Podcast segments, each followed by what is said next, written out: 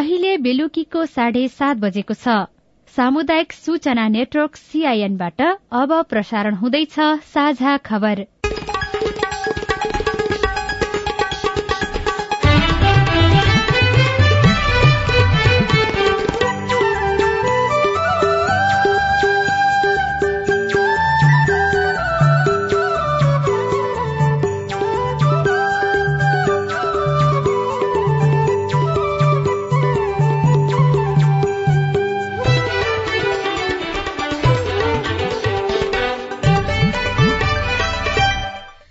सीआईएनको साझा खबरबाट सोभिता रिसालको नमस्कार। साझा खबर देशभरिका सामुदायिक रेडियो सीआईएन खबर डट कम र मोबाइल एप सीआईएनमा पनि सुन्न सकिन्छ।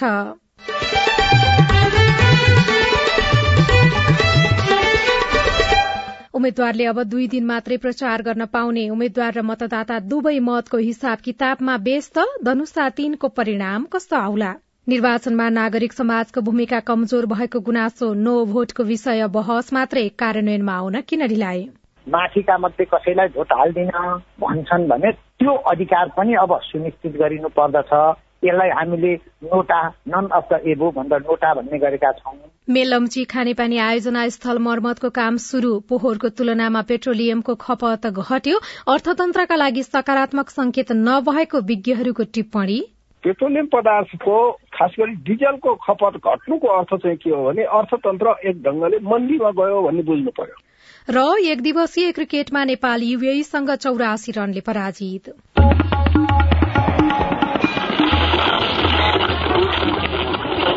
सयौं रेडियो। हजारौं रेडियो कर्मी र करोड़ौं नेपालीको माझमा यो हो सामुदायिक सूचना नेटवर्क। सीआईएन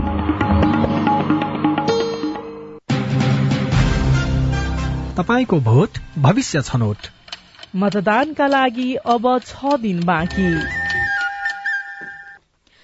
यसपालि किसानले मलको अभावमा नै धान रोपे। मल र सिंचाईको अभाव मात्र होइन महँगो ज्याला तिरेर किसानले धान फलाए। यस वर्ष धानको उत्पादन सधैँ जस्तो राम्रो पनि भएन। त्यसमाथि सरकारले क्विन्टलमा जम्मा दुई सय छब्बीस रूपियाँ मात्रै बढ़ाएर समर्थन मूल्य तोक्यो उत्पादन लागत बढ़ने तर मूल्य नबढ़ने भएको भन्दै किसानले गुनासो गरिरहेका छन्। तर सरकारले सुनवाई गरेको छैन। उपभोक्ता र किसान दुवैलाई घाटा नहुने गरी धानको मूल्य तोकिनुपर्छ। आचार्यबाट मंगिर चार गतेको निर्वाचनका लागि निर्वाचन आचार संहिता लागू भएको सत्तालिस दिनमा एक सय भन्दा बढ़ी आचार संहिता उल्लंघनका उजुरी परेका छन् र ती उजुरीमा आयोगले कार्यवाही गरेको छ। विभिन्न राजनैतिक दलका नेता तथा उम्मेद्वार सरकारी निकाय तथा कर्मचारीहरू लगायतले आचार संहिता उल्लंघन गरेको भन्दै परेको उजुरी उप कार्यवाही स्वरूप स्पष्टीकरण सोध्ने काम भएको आयोगले जनाएको छ। केन्द्रीय आचार संहिता अनुगमन समितिका संयोजक समेत रहनुभएका निर्वाचन आयुक्त रामप्रसाद भण्डारीले दलहरूले प्रचार प्रसार गर्न पाउने अवधि सकिन अब दुई दिन मात्रै बाँकी रहँदा निर्वाचन आचार संहिताको प्रभावकारी कार्यान्वयन गर्न सबै राजनैतिक दल उम्मेद्वार तथा सरोकारवालालाई आग्रह गर्नुभयो। अब यो बेला चाहिँ बढी हामी सचेत हुनुपर्छ सजग हुनुपर्छ र आचार संहिता उल्लङ्घन कुनै ठाउँमा हुन लागेको छ भने त्यसलाई तत्काल निषेध गर्नुपर्छ भनेर आयोगको तर्फबाट नि हामी सबै अनुगमनकर्ताहरू पनि सचेत भएर लागेका छौँ। यसको अतिरिक्त स्थानीय प्रशासन सुरक्षा कर्मीहरूलाई अब चाहिँ एकदमै जटिल समय आउन सक्छ। त्यसो भए हुनाले तपाईँहरू एकदम सचेत भएर कार्यान्वयन गर्नुहोस् है भनेर हामीले भनिसकेका छौँ। त्यसो भएको हुनाले आयोगलाई लाग्छ कि अब यस्ता किसिमका घटनाहरू हुँदैनन्। सबै अनुशासित भएर आचार संहिताको परिधिभित्र रहेर आफ्नो चुनाव प्रचार प्रसार गर्नुहुन्छ। त्यो पनि कहिलेसम्म प्रचार प्रसार गर्न पाउने हो? सीमा निर्धारण ऐनले गरेका छ अथवा आयोगले पहिल्यै निर्णय गरेर सीमा दिइसकेका छ? आगामी निर्वाचनलाई स्वच्छ स्वतन्त्र निष्पक्ष पारदर्शी भयरहित बनाउन आयोगले कूटनीतिक निकायका प्रमुख तथा प्रतिनिधिहरूसँग छलफल गरेको छ। छलफलमा आयोगका आयुक्तहरू बीस भन्दा बढ़ी कूटनीतिक निकायका प्रमुख तथा प्रतिनिधिहरू प्रधानमन्त्री तथा मन्त्री परिषदको कार्यालय गृह मन्त्रालय र परराष्ट्र मन्त्रालयका प्रतिनिधिहरूको समेत सहभागिता रहेको थियो। राष्ट्रिय स्वतन्त्र पार्टीका उम्मेद्वार डाक्टर तोसिमा कार्कीको उम्मेद्वारी कायम हुने भएको छ। आज न्यायाधीशहरू ईश्वर प्रसाद खतिवड़ा र तिल प्रसाद श्रेष्ठको संयुक्त इजलासले यसअघि न्यायाधीश कुमार चुणालको इजलासले दिएको अन्तरिम आदेशलाई नै निरन्तरता दिएको हो।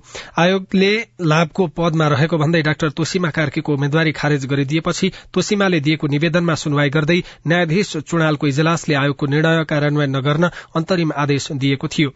उक्त अन्तरिम आदेश खारेजीको माग गर्दै निर्वाचन आयोगका सचिव गोकर्णमणि दवाड़ीले सर्वोच्च अदालतमा भ्याकेट दिनुभएको थियो। सो निवेदनमाथि आज सुनवाई गर्दै न्यायाधीश खतिवड़ा र श्रेष्ठको इजलासले पनि कार्की लाभको पदमा रहेको मान्न नमिल्ने ठहर गरेको हो।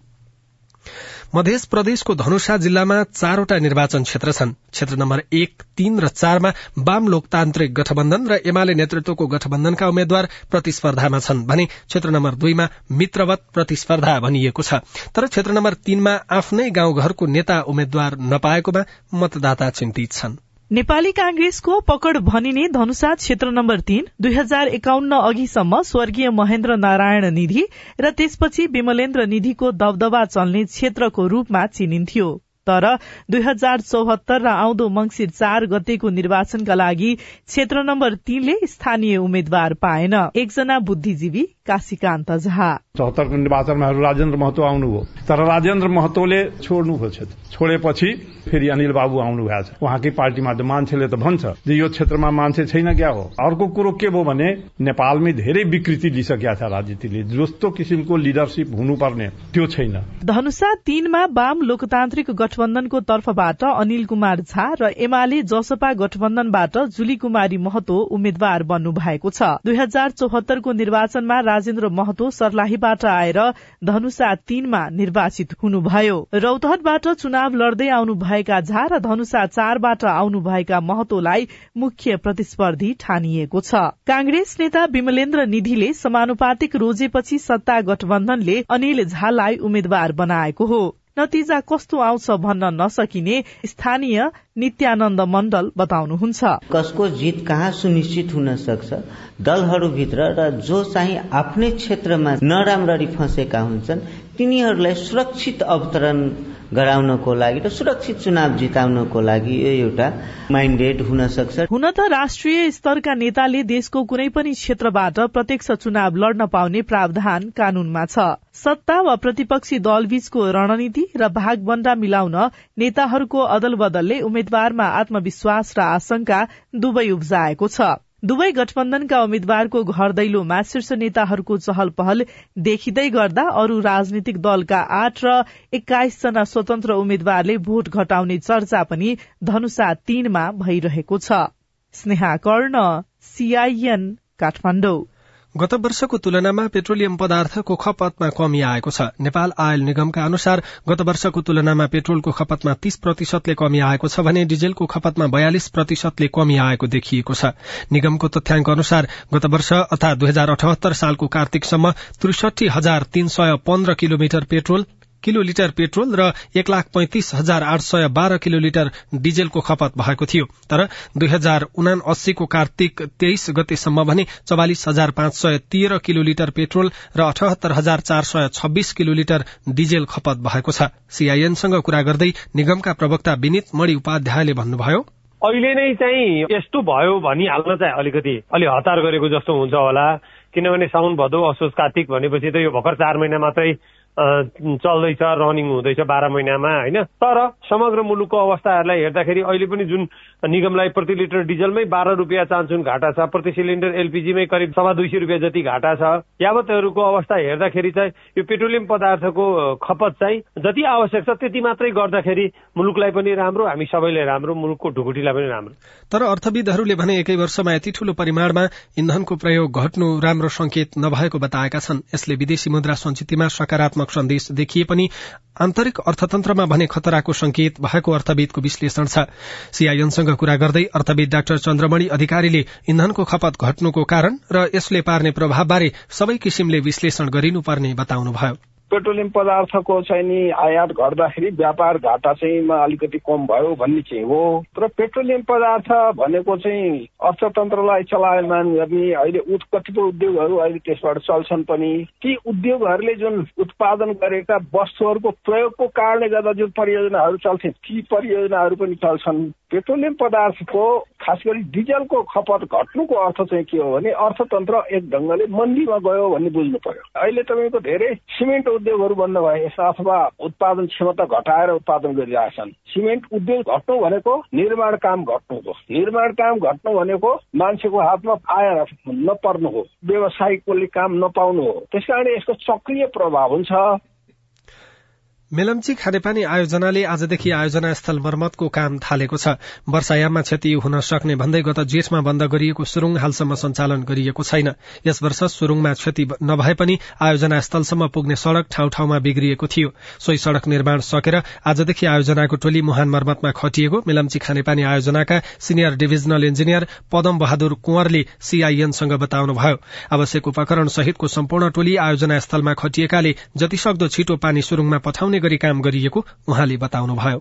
बाटो चाहिँ गत वर्ष चाहिँ गाउँपालिकाले बनाइदिएर अलि सजिलो भएको छ हामीलाई अब अहिले अब त्यही त हो चुनाव चुनाव ला यताउति गरेर यहाँ बनाउनु पाइएन। अहिले चाहिँ यहाँ बाटो बनाएर र बल्ल हामी हिजोबाट साइडमा चाहिँ राम्रोसँग मोबिलाइज भयौँ मेसिनहरू सहित मोबिलाइज भयौँ अहिले पोहोरको जस्तो काम छैन अहिले ठुलो काम। अहिले आधा जति हामीलाई धेरै लाग्दैन हामीलाई पन्ध्र बिस दिन जति समय लाग्छ। अहिले किन भन्दाखेरि त्यो जे जति हामीले गत वर्ष सफा गरेका थियौँ सबै पुर्या छ अहिले पनि होइन? त्यसलाई खन्नु पर्यो। अहिले हामीले सुरुवात गर्दैछौँ अब आजबाट सुरुवात गर्दैछौँ। अब सात आठ दिन पछाडि कहिले चाहिँ पानी हाल्ने भन्ने कुरो थाहा हुन्छ।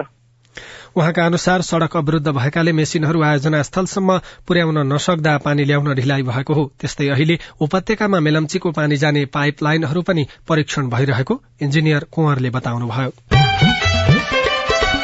साझा खबरमा अब विदेशको खबर पछिल्लो एघार महिनामा विश्वमा एघार करोड़ छैसठी लाख पचपन्न हजार मानिसले जन्म लिएका छन्। विश्वको जनसंख्या अद्यावधि गर्ने वर्ल्डोमिटरका अनुसार गत पुसदेखि हालसम्म उक्त संख्यामा मानिसको जन्म भएको हो। वर्ल्डोमिटरका अनुसार आज मात्रै दुई लाख पचासी हजार भन्दा बढ़ीले जन्म लिएका छन्। यस्तै एघार महिनामा पाँच करोड़ पचासी लाख मानिसको मृत्यु भएको छ भने गत चौविस घण्टामा एक लाख त्रिचालिस हजार मानिसको मृत्यु भएको तथ्याङ्कमा उल्लेख छ। र खेल खबरमा युए संघको एक दिवसीय अन्तर्राष्ट्रिय क्रिकेटमा नेपाल चौरासी रनले पराजित भएको छ। दुई सय चौसठी रनको लक्ष्य पाएको नेपालले पचास ओभरमा नौ विकेट गुमाएर एक सय उना अस्सी रन मात्रै बनाउन सक्यो।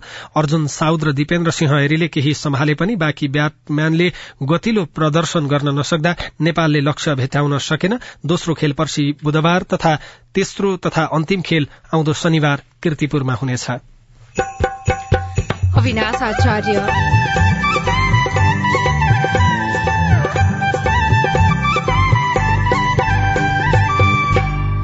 मतदातालाई दोहोऱ्याएर भेट्दै उम्मेद्वारहरू।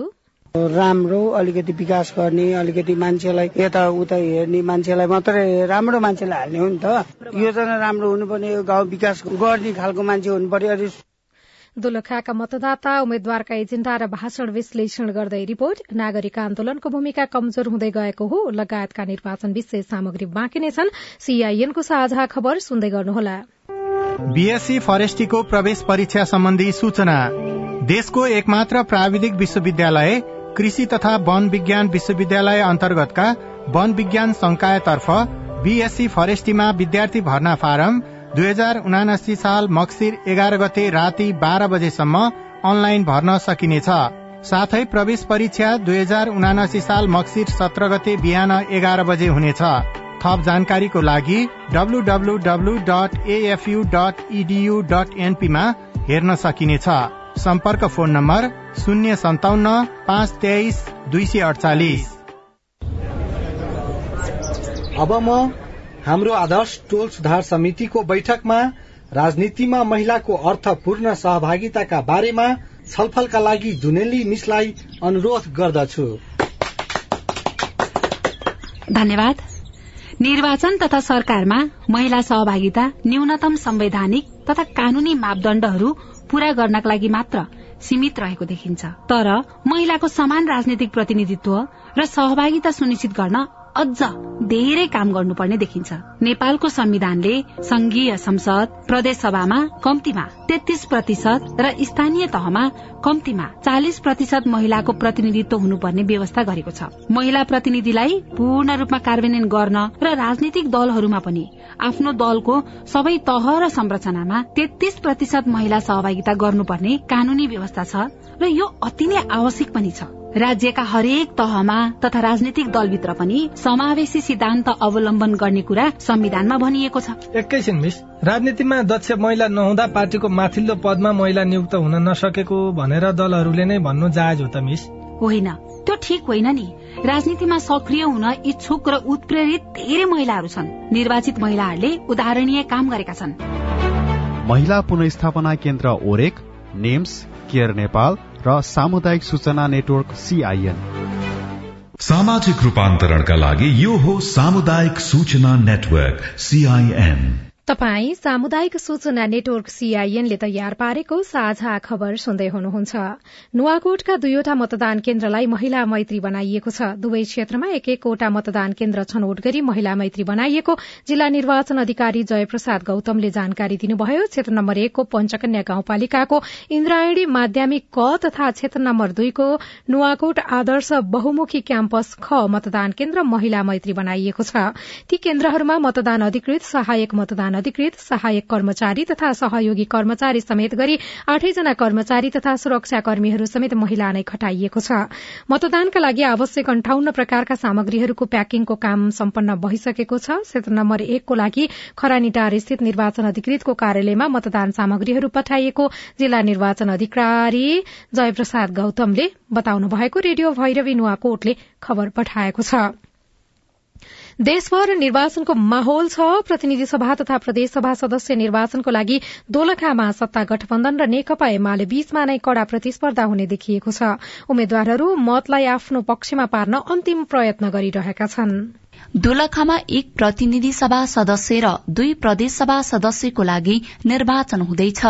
तीन पदका लागि त्रिपन्न जना उम्मेद्वार मैदानमा छन्। दोलखामा एक लाख साठी हजार छयानब्बे जना मतदाता रहेका छन्। उनीहरूलाई आफ्नो पक्षमा पार्न सत्ता गठबन्धन प्रतिपक्षी गठबन्धन तथा स्वतन्त्र उम्मेद्वारहरूले पनि अन्तिम प्रयास गरिरहेका छन्। स्वाभाविक हिसाबले नयाँ पुस्ताहरूमा अथवा युवाहरूले चाहिँ अलिकति राजनीतिक रूपमा चाहिँ निर्वाचित भएर जनप्रतिनिधिको रूपमा उपस्थित हुँदाखेरि चाहिँ स्वाभाविक हिसाबले जनताहरूको चाहिँ अथवा युवाहरूको चाहिँ अलिकति बढी अपेक्षा रहन्छ र रहेको पनि छ र दोलाखामा यसवाला जसले जित्दा पनि युवा नेतृत्व अथवा चाहिँ नयाँ नेतृत्वले चाहिँ जिम्मा लिन सक्ने सम्भावना रहेको छ। यस पटक स्थापित दलले प्रतिनिधि र प्रदेश दुवै तहको लागि नयाँ अनुहारलाई टिकट दिएपछि उम्मेद्वारलाई जित्ने चुनौती देखिएको छ। स्थानीय उम्मेद्वारका एजेण्डा र उनीहरूले गरेका भाषण विश्लेषण गर्दैछन्। भीमेश्वर नगरपालिका वडा नम्बर दुईका कृष्ण मोक्तान। राम्रो अलिकति विकास गर्ने अलिकति मान्छेलाई यताउता हेर्ने मान्छेलाई मात्रै राम्रो मान्छेलाई हाल्ने हो नि त। योजना राम्रो हुनुपर्ने गाउँ विकास गर्ने खालको मान्छे हुनु पर्यो अनि स्वार्थी भएको नहुनु पर्ने सबैलाई एक सम्मान हुनु पर्यो त्यस्तो व्यक्ति छान्छौँ क्या हामी चाहिँ? यस अघिका निर्वाचनहरूमा जिताएर पठाएका प्रतिनिधि गाउँमा फर्किएर नआएको आफ्नो दुःख नबुझेको गुनासो मतदाता गर्छन्। त्यसैले यसपटक दोलखाका मतदाता आफूहरूको दुःख सुन्ने बुझ्ने व्यक्तिलाई जिताउन चाहेको बताउँछन्। बैतेश्वर गाउँपालिकाका गौरीकान्त ढुङ्गेल। मतदाताहरूले विवेक पुर्याउनु पर्छ हजुर जय हुन्छ तै पनि के कसो हुन्छ नयाँ अनुहार हेर्नु पर्ला जस्तो छ हजुर अहिले। उम्मेद्वारहरू घर घरमा पुगेर मत मागिरहेका छन्। मतदाताहरू भने उनीहरूको एजेण्डा र प्रतिबद्धताको विश्लेषण गरेर मतदान गर्ने सोचमा देखिएका छन्। Buna Ghimire CIN radio Sailung Dolakha. नमस्कार म बिनी घातुवाङ गाउँपालिका वडा नम्बर दुईबाट रामबहादुर मग बोल्दैछु यो मेरो प्रश्न चाहिँ नेपाल टेलिकमको सम्बन्धी रहेको छ। हामीले यो चौध पन्ध्र भिडियो डाटाको लागि स्टार चौध पन्ध्र ह्यास दारी गरेर हामी यामी तान्छौँ यामी तान्दाखेरि चाहिँ सबै भिडियो हेर्न पाउँदैन। हामीले सबै भिडियो हेर्दाखेरि चाहिँ एक दुई दिनभन्दा पुगेन। हामीले यो यामी तानेको पैसा सय रुपियाँ पैसा किन लागेको? यति महँगोमै हामीले भिडियो हेर्न पर्छ यो। राम बहादुरजी तपाईँलाई यसबारे प्रश्न पार्दै हुनुहुन्छ। नेपाल टेलिकमका प्रवक्ता शोभन अधिकारी। भिडियो हेर्नलाई भनेर सय रुपियाँको डेटा त तान्नु भयो होला तर त्यो कति भोल्युमको चाहिँ लिनुभयो किनभने हाम्रो त धेरै थरी प्याकेजहरू छ होइन? अब सबभन्दा राम्रो उहाँले भिडियो हेर्ने युट्युबमा हो भने अथवा फेसबुकमा हो भने चाहिँ हाम्रो सोसियल मिडिया प्याकहरू छ। सोसियल मिडिया प्याकमा सस्तो दरमा उपलब्ध पनि छ। उहाँले त्यो अनुसारको लिनु पऱ्यो क्या। चौध पन्ध्रभित्र नै हो सबै। युट्युबको भिडियो हो कि अथवा फेसबुकको भिडियो हो कि अथवा उहाँले भिडियो डाउनलोड गर्नुभयो कि अथवा अरू केहीमा हेर्नुभयो त्यो अलिकति डिटेलमा जानकारी भयो भने अनि त्यो अनुसारले विभिन्न प्याकेजहरू छ त्यो प्याकेजहरू युज गर्दा ठिक हुन्छ भन्न सकिन्छ क्या हामीले। जाजरकोटबाट नाम नखुलाउनु भएका एकजना श्रोताले साइबर अपराध के हो र यसबारे कानूनी कार्यवाहीको व्यवस्था कस्तो छ भनेर हाम्रो आइभीआरमा जिज्ञासा रेकर्ड गराउनु भएको छ। उहाँको जिज्ञासा मेटाइदिन हामीले नेपाल प्रहरीको साइबर ब्यूरोका प्रवक्ता प्रहरी उपरीक्षक पशुपति रायलाई भनेका छौं। साइबर अपराध भनेको प्रविधिजन्य अपराध हो होइन? प्रविधिको दुरुपयोग गरेर गरिने अपराधहरू कम्प्युटरमा मोबाइलमा नेटवर्कमा लगायतका जुन आइटी इन्फ्रास्ट्रक्चरहरू हुन्छ अथवा इलेक्ट्रोनिकल इन्फ्रास्ट्रक्चरहरू हुन्छ तिनीहरूमाथिको सिधै एट्याक हो एउटा।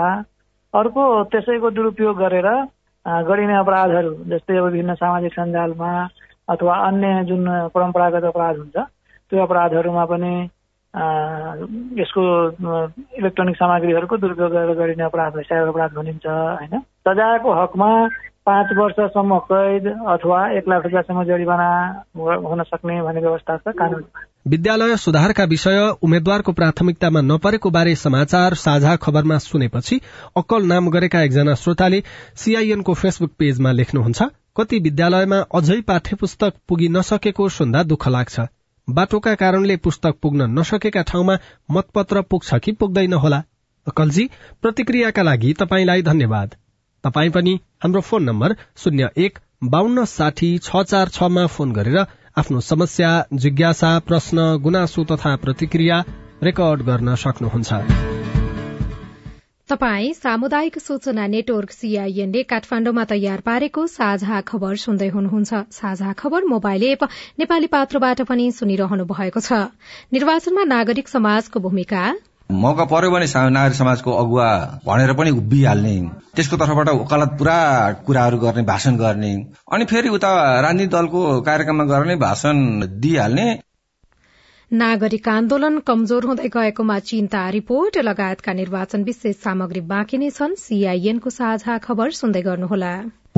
बालबालिकालाई लगाउँदै गरेको खोपमा चाहिँ बालबालिकाहरू कहाँ गएर लगाउनु पर्ने र खोप लगाउन जाँदा के के लिएर जानु पर्ने त्यसबारे बताइदिनुहोस् न।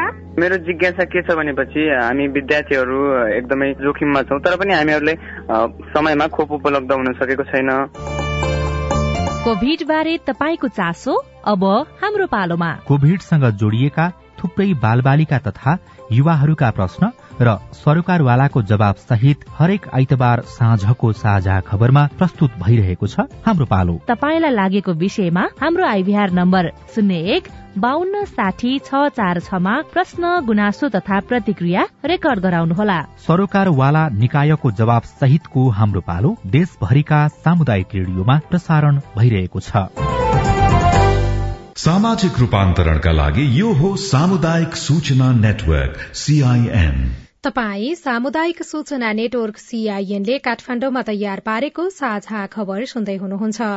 दुई हजार बैसठी त्रिसठीको जनआन्दोलनमा बलियो भूमिका निर्वाह गरेको नागरिक समाज त्यसपछि भने कमजोर बन्दै गएको देखिन्छ। समाजमा विशेष पहिचान बनाएका र नागरिक अधिकारका क्षेत्रमा लागिरहने व्यक्तिहरू रहने नागरिक समाज कमजोर बन्दा सरकारलाई जवाफदेही जिम्मेवार र नागरिक मैत्री बनाउन नसकिएको चर्चा हुने गर्छ। निर्वाचन नजिकिँदै गरेको सन्दर्भमा नागरिक समाजको भूमिका कस्तो हुन्छ त? राजनैतिक दल सरकार र संस्थाहरूलाई बाटो बिराउन नदिन र नागरिक मैत्री बनाउन झकझकाइरहने समूह हो नागरिक समाज। समाजमा आफ्नो क्षमता मेहनत र लगनले स्थापित भइसकेका नागरिक अगुवाले नेतृत्व गर्ने नागरिक समाज निष्पक्ष हुनुपर्छ। तर नागरिक समाजका अगुवाहरू कुनै न कुनै रूपमा दल विशेषको पछुवा हुँदा समग्र नागरिक आन्दोलन नै कमजोर बनेको छ। मौका पर्यो भने नागरिक समाजको अगुवा भनेर पनि उभिहाल्ने त्यसको तर्फबाट वकालत पुरा कुराहरू गर्ने भाषण गर्ने। अनि फेरि उता राजनीतिक दलको कार्यक्रममा गर्ने भाषण दिइहाल्ने एकदम उच्च स्तरको नेता हुने। यसले गर्दाखेरि समस्या देखा परेछ नागरिक समाज पनि आफ्नो दलसँग केन्द्रित भएर दलीय स्वार्थ अनुसार त्यही अनुसारै एडभोकेसी गरिराखेको अवस्था छ। निर्वाचन कस्तो रह्यो भनेर त्यसको प्रतिक्रिया दिने विश्लेषण गर्ने कुरामा चाहिँ अलिक समस्या देख्छु म। लोकतन्त्रमा विधिको शासन र नागरिक सर्वोच्चता हुनुपर्छ। तर हाम्रो जस्तो देशमा शासन विधिको भन्दा पनि व्यक्तिको तजविजमा भर पर्ने गरेको छ भने सबै नागरिकले आफ्ना अधिकारको भेउ पनि पाउन सकेका छैनन्। त्यसै कारण नागरिक समाजले आम नागरिकका अधिकारका पक्षमा बोल्नुपर्छ। निर्वाचन नागरिक अधिकारको कार्यान्वयन गराउने एक महत्वपूर्ण अवसर भएकाले नागरिक अगुवाको भूमिका अझ बढ़ी हुन्छ। नागरिक अगुवा श्याम श्रेष्ठ। चुनावको बेलामा हामीहरूले जनतालाई जागरूक बनाउने हो। भ्रष्ट मान्छेलाई नचाहन वचन दिएर पूरा नगरेका मान्छे नचाहन बारम्बार शासनमा गएर सक्षमता देखाउन नसकेका मान्छे नचाहन भनेर हामीले यतिखेर भन्ने हो। जनतालाई आह्वान गर्ने हो। नागरिकलाई मतदानका लागि अग्रसर गराउन मात्र नभएर सही तरिकाले मतदान गराउन उम्मेद्वारलाई प्रश्न गर्न र जवाबदेही बनाउन मतदानलाई स्वच्छ र भयरहित बनाउन पनि नागरिक अगुवाको भूमिका महत्वपूर्ण हुन्छ। निर्वाचन पर्यवेक्षणमा संलग्न रहँदै आउनुभएका नरेन खतिवड़ा। सूक्ष्म ढंगले चाहिँ अनुगमन गर्दै सम्बन्धित पक्षलाई खबरदारी गर्ने प्रतिवेदन निर्माण गरेर समाधान निकायलाई दिन सक्दाखेरिको अवस्थामा त्यसले लोकतन्त्रकै सुदृढीकरण गर्नका लागि भूमिका खेल्ने भएको हुनाले त्यतातर्फ पनि नागरिक संगठनले भूमिका खेल्नुपर्छ भन्ने मलाई लाग्छ। नागरिक समाजको अवधारणा फेरिँदै गएको प्रति नागरिक समाजका अगुवा मध्येका एक खगेन्द्र संग्रौला चिन्तित हुनुहुन्छ। तर निर्वाचनका बेला नागरिकलाई जागरूक बनाउन भने नागरिक समाज चुक्न नहुने उहाँको भनाइ छ। चुनावमा जो उभिएको छन् र जसलाई त्यो निर्वाचन गराउने भूमिका जुन संस्थाले लिएको छ तिनले आफूले लिएको जिम्मेदारी सही ढंगले लोकतान्त्रिक विधिबाट लोकतान्त्रिक परिपाटीबाट लोकतान्त्रिक संहिताबाट पूरा गर भनेर हामीले खबरदारी गरिरहनु पर्छ अरू बेला पनि राजनैतिक दल र सरकारले बाटो बिराउलान् कि भनेर पहरेदारी गर्नुपर्ने नागरिक समाजको भूमिका सधैँ आवश्यक हुन्छ। अझ निर्वाचनको समयमा त आफ्नो भूमिका र दायित्व बढ़ी हुन्छ भन्ने कुरा नागरिक अगुवाहरूले बिर्सनु हुँदैन। उषा तामाङ सीआईएन चुनावलाई सफल बनाउन नागरिक समाजको भूमिका प्रभावकारी खोज्दै गर्दा मतदाता बुद्धिजीवी र सरोकारवाला निकाय भने उम्मेद्वारलाई भोट दिन नपाइने वा जिताएर पठाएकालाई फिर्ता गराउनुपर्ने प्रावधानको पनि माग गरिरहेका छन्। यसबारेमा निर्वाचन आयोगको तयारी के छ? हामीले प्रमुख निर्वाचन आयुक्त दिनेश कुमार थपलियासँग सोधेका छौं। माथिका मध्ये कसैलाई भोट हाल्दिन भन्छन् भने त्यो अधिकार पनि अब सुनिश्चित गरिनु पर्दछ यसलाई हामीले नोटा नन अफ द एबो भन्दा नोटा भन्ने गरेका छौँ। आफूले निर्वाचित गरेको प्रतिनिधिले जनताको भावना अनुरूप काम गरेन भने त्यस्ता व्यक्तिहरूलाई रिकल गर्ने हामीले प्रत्याह्वान भन्ने शब्द कानूनमा प्रयोग गर्दछौँ। प्रत्याह्वान गर्ने अधिकार पनि मतदातामा हुनु पर्दछ भन्ने आवाज आइरहेको छ। त्यसलाई पनि कुनै न कुनै रूपमा कानूनमा समावेश गरेर अगाडि बढाउनु पर्दछ र यो कार्य अब बन्ने संसद मार्फत आयोगले आफ्नो धारणा सहित पेश गर्दछ। निर्वाचित भएर गएका व्यक्तिहरूलाई उत्तरदायी बनाउने उनीहरूले गरेका बाचाहरू यो यो थिए त्यसैले तिमीले यो गर्नुपर्छ गर्यो कि गरेनौ भनेर झकझक्याउने प्रावधान संरचना नभएर हो कि अथवा तपाईँ कस्तो महसुस गर्नुहुन्छ यसमा? उम्मेद्वार इन्डिभिजुअलका घोषणा पत्रको विषयमा त आयोगले कुरा गर्न सक्दैन तर राजनीतिक दलहरूले निर्वाचनको बेलामा प्रस्तुत गरेका घोषणा पत्रहरू आफ्नो प्रतिबद्धतामा के कति काम भयो र कति प्रयत्न गरौँ त्यो विषय पनि निर्वाचन आयोगमा बुझाउनु पर्दछ। यो प्राप्त भएको छ। यो प्रयत्न गरे भनेको छ भनेर जनतालाई सुसूचित गराउनु पर्दछ भन्ने माग पनि आएको छ। यो माग पूरा गर्नको लागि अब आयोगले के गर्छ? त्यस कारण हामीले अहिले कानुन त तर्जुमा गर्दै नै छौँ। यो विषय पनि अब कानूनको विषय बन्नु पर्दछ यो विषयलाई पनि एउटा उपयुक्त निकास दिनु पर्दछ भन्ने आयोगको धारणा भनेपछि कुनै राजनैतिक दलमा अदल बदल भइराख्ने र यो गठबन्धनको विषयमा पनि आयोगले त्यसमा केही कानून बनाएरै केही ल्याउन खोजेको हो। बनाउँदा यो विषयमा पनि छलफल भएको पनि हो हिजो पनि थोरै तर अहिले अलिकति प्रखर ढङ्गले उठेको छ। यसलाई कानूनद्वारा नै निर्दिष्ट गरिएन भने दलीय संस्कार राजनैतिक संस्कार र जनताप्रति गरेको प्रतिबद्धता पुरा गर्नु नै पर्छ भन्ने एउटा असल संस्कारको निर्माण गर्न सकिन्छ। त्यसलाई पनि अगाडि बढाउन प्रयत्न गर्छ। यो सबै बनाएर मस्यौदा दिने हो त्यो पारित गर्ने काम फेरि राजनैतिक दल जसको लागि यो त्यति प्रिय फेरि निर्णय नहुन सक्छ। अनि यो हुन्छ त पारित हुन्छ कार्यान्वयनमा जान्छ? संसद भनेको दलीय व्यवस्थामा जनताको आवाज मुखरित गर्ने ठाउँ हो। शासन व्यवस्थालाई बलियो बनाउने पक्षमा काम गर्ने राजनैतिक दलहरूले यस्ता कानूनहरू तर्जुमा गर्दा जनताको आवाजलाई महसुस गरेर उपयुक्त निकास दिनु पर्दछ भन्ने हाम्रो बुझाइ हो मान्यता हो र सोचाइ हो। विगतमा पनि धेरै कानुनहरू त्यसरी नै बनेका छन्। त्यसकारण अब बन्ने संसदले यस्ता इस्युहरूलाई नजिकबाट हेर्नेछ उपयुक्त निर्णय गर्नेछ भन्ने हाम्रो विश्वास छ। तर यहाँले भने जस्तो यदि त्यो विषयमा कानुन बनेन भने आयोगको पनि एउटा धारणा सार्वजनिक त हुन्छ नै तर त्यो कामयाबी हुन सक्दैन। उम्मेद्वारले अब दुई दिन मात्रै प्रचार गर्न पाउने समय रहेको छ। उम्मेद्वार र मतदाता दुवै अहिले मतको हिसाब किताबमा व्यस्त भएका छन्। निर्वाचनमा नागरिक समाजको भूमिका कमजोर बन्दै गएको गुनासो पनि आएको छ। नो भोटको विषय बहस मात्रै हुने गरेको छ। कार्यान्वयनमा आउन भने ढिलाइ भइरहेको छ। मेलम्ची खानेपानी आयोजना स्थल मर्मतको काम शुरू भएको छ। पोहोरको तुलनामा पेट्रोलियमको खपत घटेको छ। अर्थतन्त्रका लागि सकारात्मक संकेत नभएको विज्ञहरूले टिप्पणी गरेका छन्। र एक दिवसीय दिवसीय क्रिकेटमा नेपाल युएसँग चौरासी रनले पराजित भएको छ। हवस् आजलाई साझा खबरको समय सकियो। प्राविधिक साथी सुरेन्द्र सिंहलाई धन्यवाद। भोलि कार्तिक उन्तिस गते बिहान छ बजेको साझा खबरमा फेरि भेटौँला। अहिलेलाई सोभिता रिसाल पनि विदा हुन्छु। नमस्कार शुभरात्री।